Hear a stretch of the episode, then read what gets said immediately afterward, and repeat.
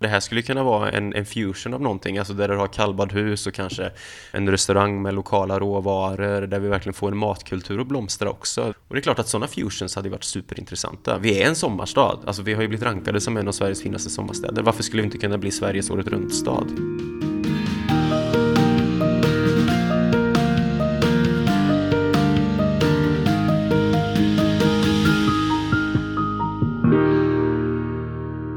Kan eh, smarta lösningar och nya innovationer locka fler människor till stadskärnan? Och hur får man i så fall medborgare, makthavare och byråkratins kvarnar att lira i synk med nytänkandet?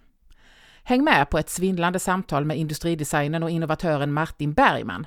Det handlar om framtidens möjligheter och hur man förvaltar den moderna teknikens potential utan att skapa kaos i systemet. Det här är podden Halmstad växer, där jag som heter Linda Thulin på uppdrag av Halmstad kommun fördjupar mig i olika teman kopplade till stans utveckling. I totalt fem avsnitt pratar vi den här gången om stadskärnans framtid. I strålkastarljuset står fyra personer med olika infallsvinklar och perspektiv på frågan. I det här avsnittet så handlar det om Martin Bergman. Han är industridesigner och ingenjör.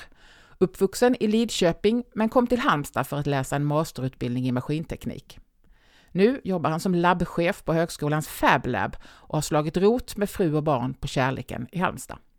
För mig är ju detta fortfarande en idyll och, och, atmosfären överlag tycker jag är väldigt positiv. Alltså Halmstadbon ändå är ju väldigt positiv och, och sen kan jag ju tycka sådär att eh, som nu typ så, så, kryper ju folk in i sin kokong lite grann sådär. Eh, och, och det, det, jag kan ändå gilla kontrasten. Så hemma på gatan där jag bor i kärleken så så, så märks det så här, folk är inne mer och det, det är lite mer så här, oh, man hejar lite annorlunda och sådär. Och sen på våren så när solen kommer fram och fåglarna kvittrar då, då bryter sig folk lös och så här, ah, sträcker på sig lite grann ur idet. Och jag kan gilla den kontrasten men överlag så där så, så, märks det ju att det är en sommarstad. Det, alltså folket är också mer så blomstrande på sommaren medan där jag är uppvuxen i Lidköping så upplever jag inte riktigt det utan där är det nog kanske en annan atmosfär året om. Men, men jag kan ändå tycka att överlag så är det en rätt skön vibe i stan ändå. Den här stan bygger ju väldigt mycket på att vi har till exempel högskolan är en stor aktör, vi har militären en stor aktör, vi har sjukhuset en stor aktör. Vi har några ganska stora och det kommer ju mycket folk utifrån in i stan. Och, och jag, kan, jag kan verkligen älska den, eh, alltså att det är en blandstad på det sättet. Trots att vi fightas med segregation och sådana saker så älskar jag liksom det här att det är en sån mångkulturell stad och den eh, viben som kommer med det. Vi sitter i Fab Labs lokaler på Högskolan i Halmstad. Jag tänkte vi skulle få berätta lite grann både om Fab Lab och lite vad du gör här. Ja, min bakgrund är att jag är industridesigner och ingenjör. Så att eh, jag har hamnat mitt emellan de två områdena. Så jag, jag är utvecklare produktutvecklare egentligen. Men det har blivit många, många frågor kopplat till samhällsutveckling också, eh, just på grund av FabLab. Fabrication Laboratory, som, som från början kommer från MIT egentligen, så vi är, vi är en del av ett globalt samfund. MIT är alltså teknikskolornas eh, Precis, mecka, eller vad ska vi säga? Exakt, det får vi säga i Boston, mm. USA.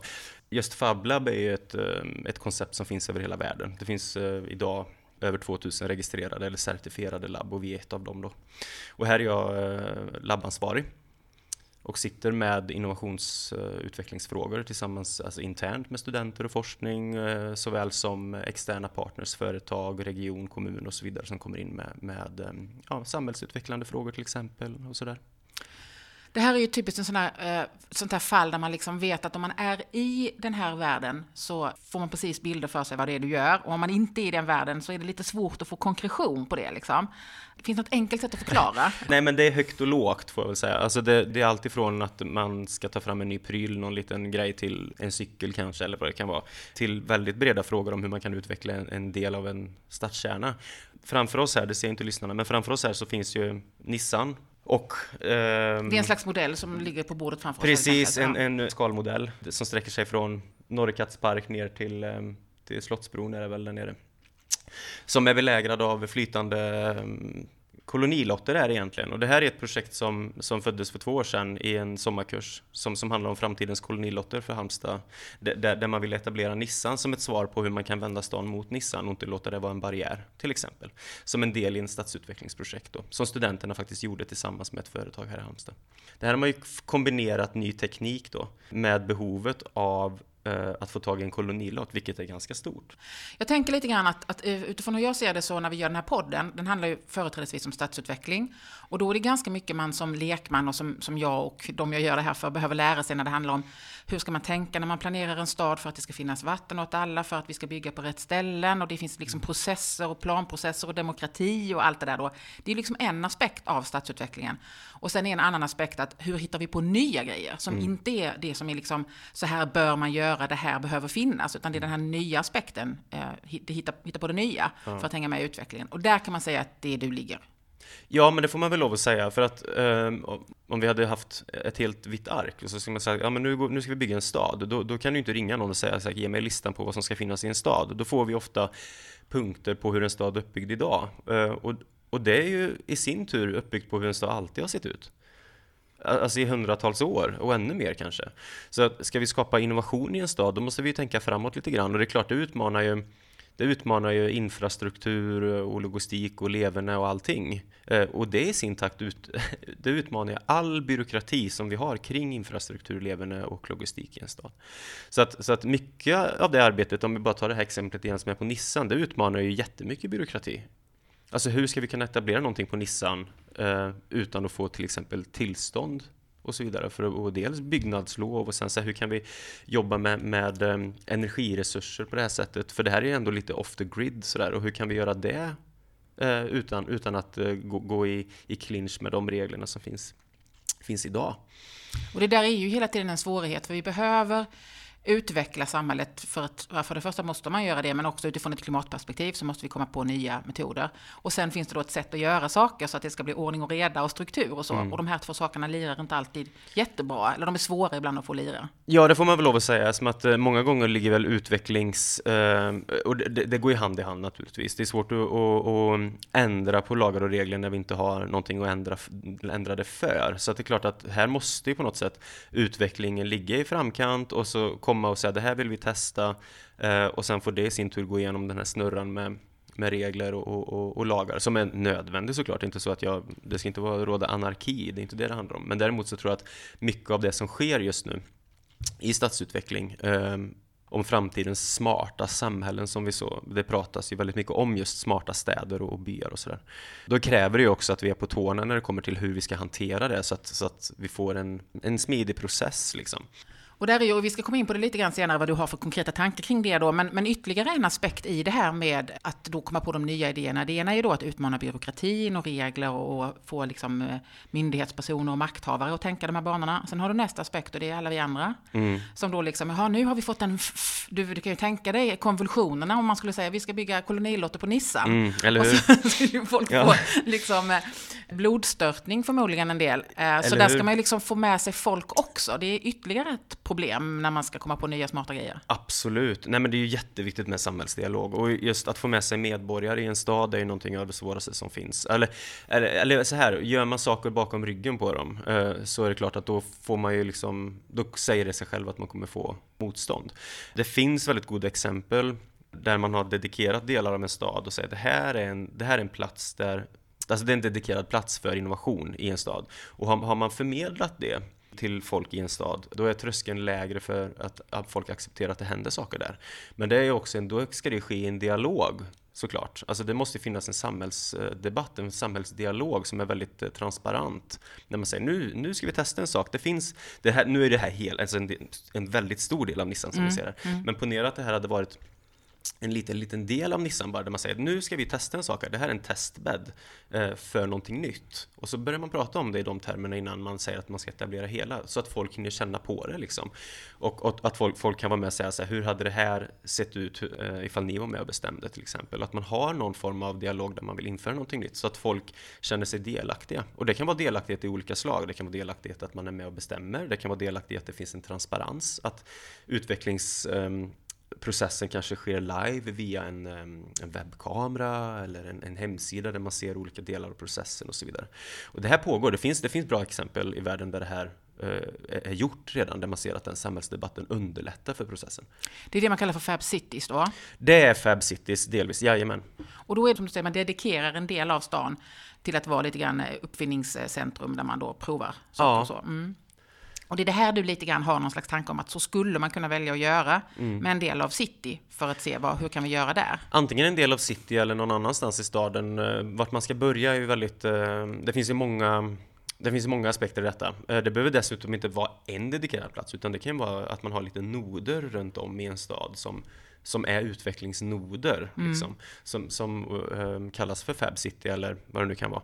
Där man vet att när man går in i en sån miljö som medborgare eller vad det nu kan vara, eller turist eller vad det nu kan vara, så, så blir man uppmärksammad på att det här är en utvecklingsplats för innovation. Vill du vara med?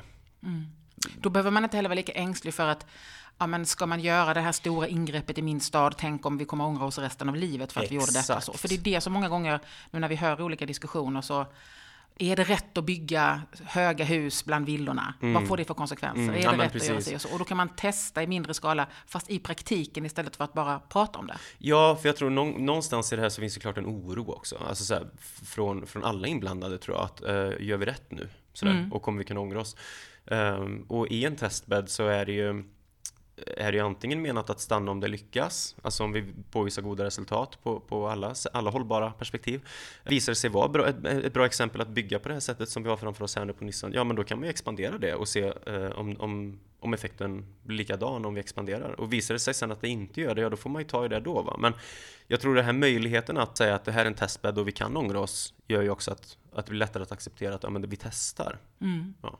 Och det här skulle man teoretiskt sett kunna göra med flera av de här utmaningarna som Halmstad nu har när det gäller både trafiksituation, segregation, Eh, utveckla city och så vidare, att faktiskt ta en liten del och prova lite nya grejer och se vad som händer? Eller? Ja, men jag tycker det, för jag menar, eh, vi kommer ingenstans genom att bara göra, alltså, jag, jag jobbar inom akademin och jag vet att jag talar emot mig själv lite grann, men jag är lite trött på att bara göra liksom, studier som slutar vid att man publicerar en artikel om någonting. Jag vill, jag vill gå från, från den artikeln ner till att göra någonting praktiskt eh, och testa, för att det är inte förrän vi faktiskt blandar in människorna som kommer vara en del av det vi, alltså så här, som vi sitter och forskar på eller projekt som vi vill utveckla och så vidare.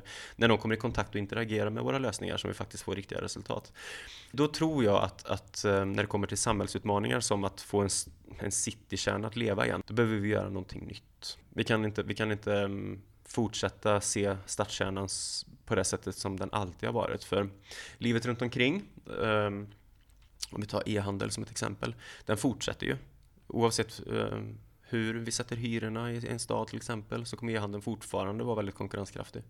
Den yttre delen av stadens köpcenter och sånt, de kommer fortsätta växa till det kommer en punkt där de kanske inte heller klarar sig, vad vet jag, för att e-handeln blir ännu mer konkurrenskraftig och så vidare. Så då behöver vi hitta ett sätt att fylla de tomrummen liksom. Um, och det behöver vi vara konkreta med. Vi mm. behöver göra, så vi går down to liksom practice. Hur kan man då med hjälp av, av ditt sätt att tänka Alltså om man ska vara helt kreativ, vad, mm. vad, finns det för typ av saker som skulle kunna finnas i en stad då som, som var av, av lite mer eh, smart karaktär så att säga, som skulle kunna locka folk till stan? Ja, nej, men jag tänker så här, jag, jag är väldigt involverad i kallbad också. Kallbadskulturen i Halmstad har växt otroligt under pandemin.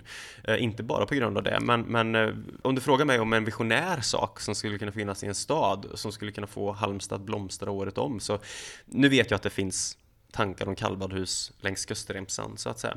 Men, men tar man till exempel Göteborg som har ett badhus mitt inne i eh, i Göta älv som är, den kallas väl till och med för Pöl, Pöl alltså, med mm. Pearl Harbor, vilket är rätt kul. Eh, men det är ett badhus i älven som annars kanske är rätt smutsig om man säger vad det är en, ja, eh, man kanske inte tänker att man vill bada i Göta älv. Man kanske inte heller tänker att man vill bada i Nissan, men vad händer ifall vi gör ett kallbadhus mitt i stan? I Nissan där du har väldigt rent vatten. Det kräver innovation, det kräver någon form av effektivisering av vattensystem och där vi har vattenkvalitet som är god, gott nog och så vidare. Men som dessutom är en attraktion som får city att leva.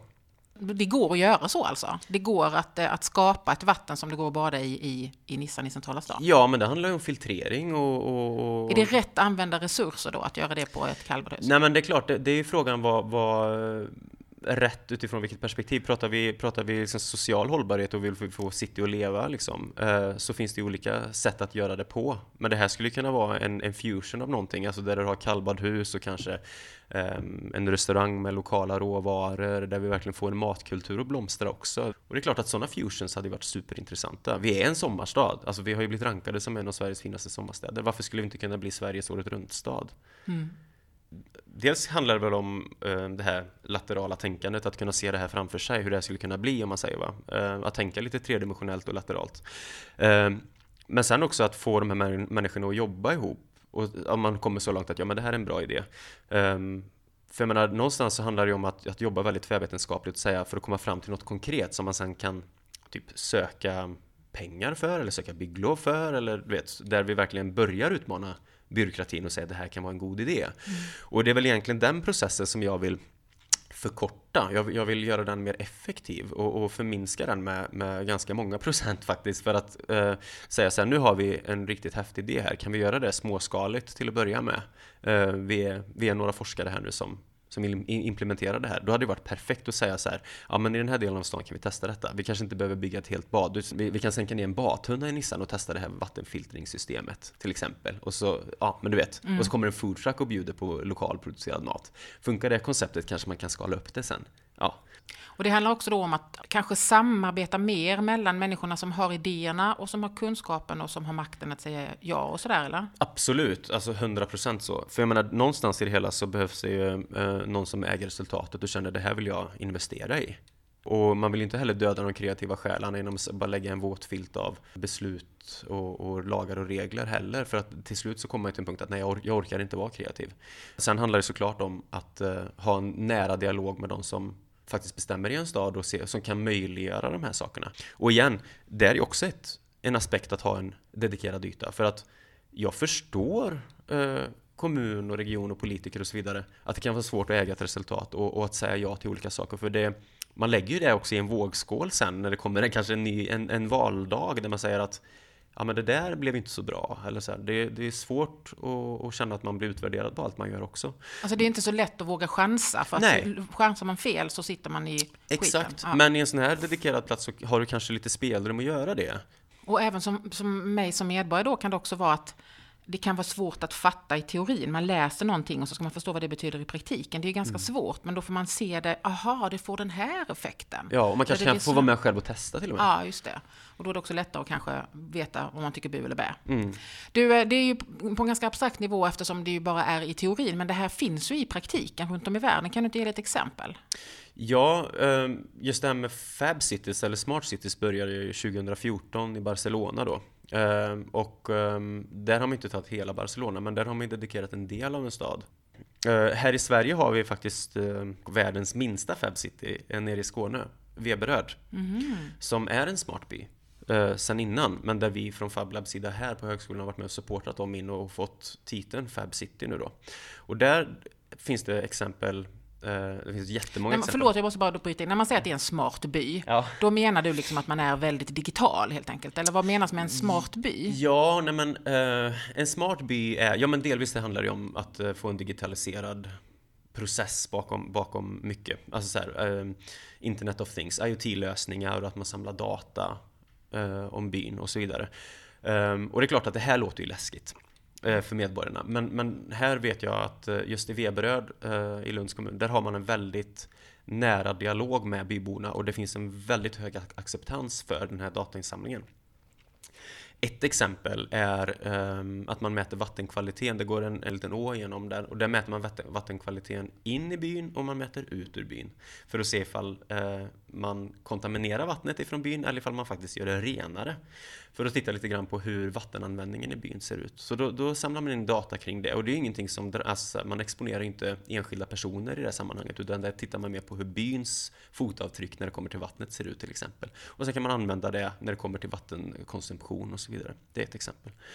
Eh, ett annat exempel är att man har flugit ut ehm, receptbelagd medicin med drönare för att effektivisera processen för de personerna, till exempel äldre som kanske inte kan eller orkar gå till ett apotek. Vid det här tillfället när de gjorde det fanns inte ens ett apotek i byn utan då flög man från en annan närliggande by då, eller stad gjorde detta för att titta lite grann på hur man kan effektivisera den, den delen då.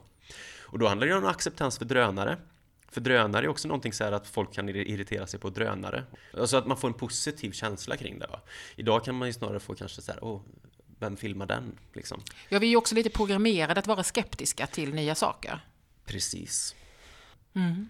Vi skulle kunna hålla på och prata om det här i all oändlighet. Vi får hoppas att det kommer fler tillfällen. Eh, men jag vill avrunda lite grann också eh, med de här eh, specifika Halmstad-frågorna som jag gärna vill ha.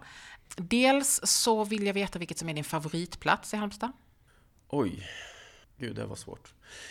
Um, då får jag ta det som har legat mig varmst om hjärtat kanske nu i år då. Och det är nog uh, Grötvik faktiskt. Uh, som väldigt länge var en väldigt anonym plats för mig. Jag har ändå bott i Halmstad i 11 år nu. Uh, och har cyklat lite förbi där längs Prins Bertils stig och sådär. Men det är en plats som jag tycker har blomstrat väldigt mycket i, i sommar.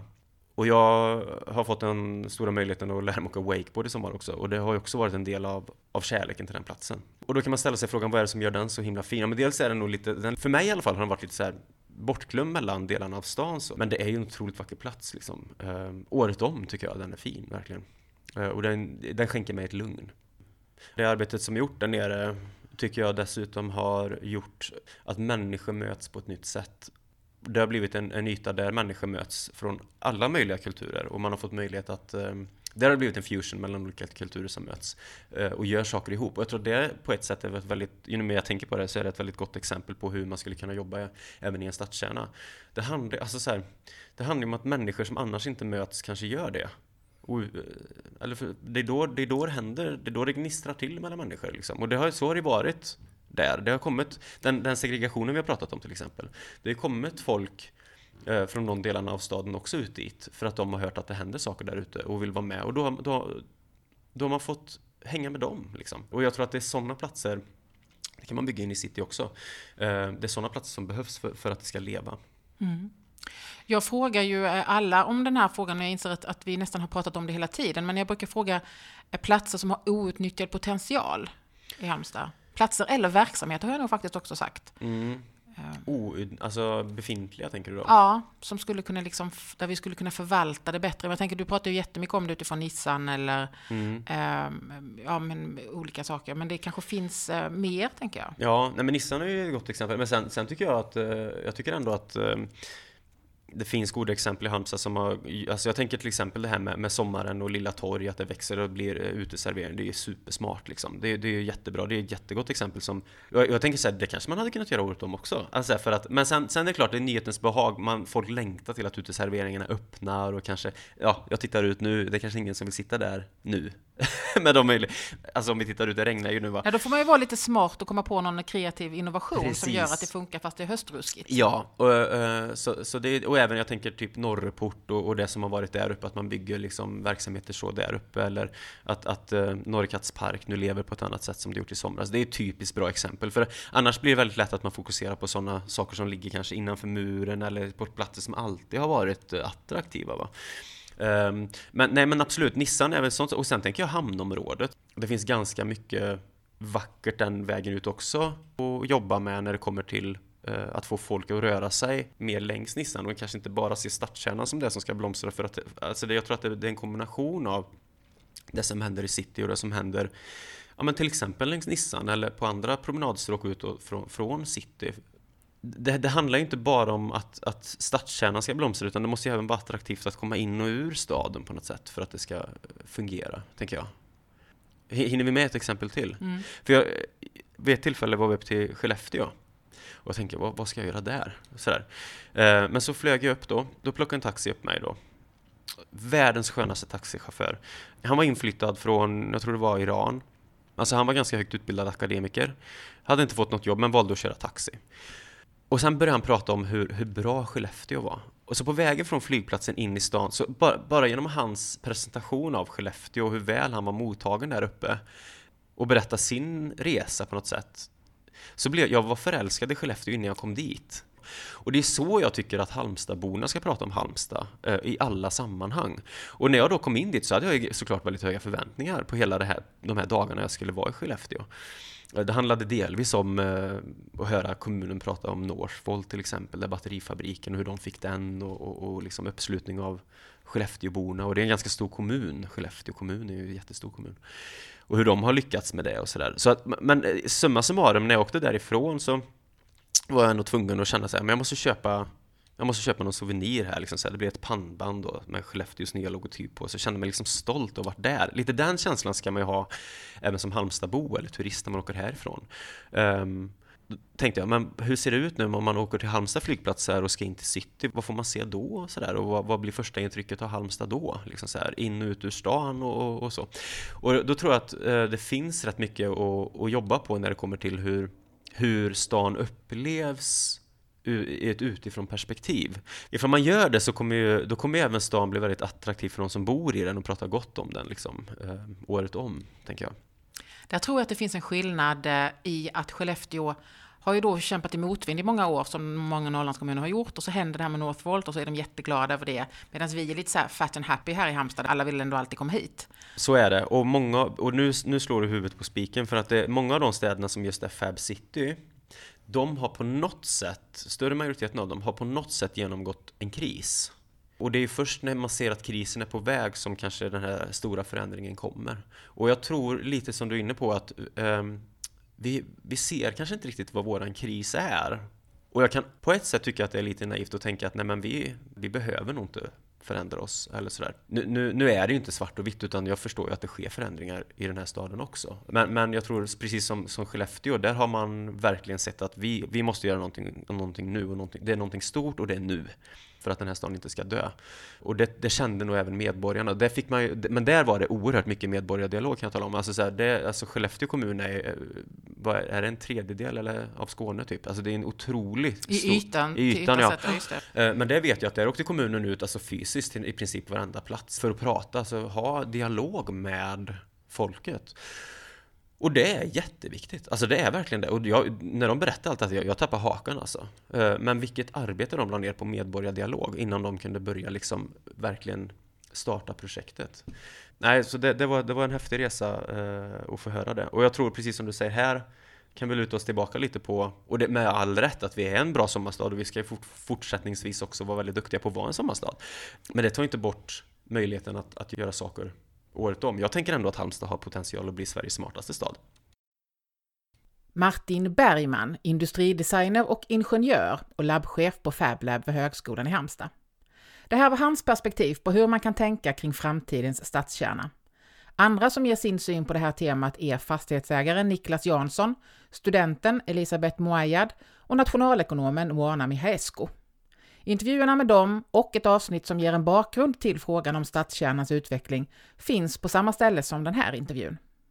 Halmstad växer görs på uppdrag av Halmstad kommun. Redaktör är Susanne Ståhl och jag heter Linda Thulin. Hej då!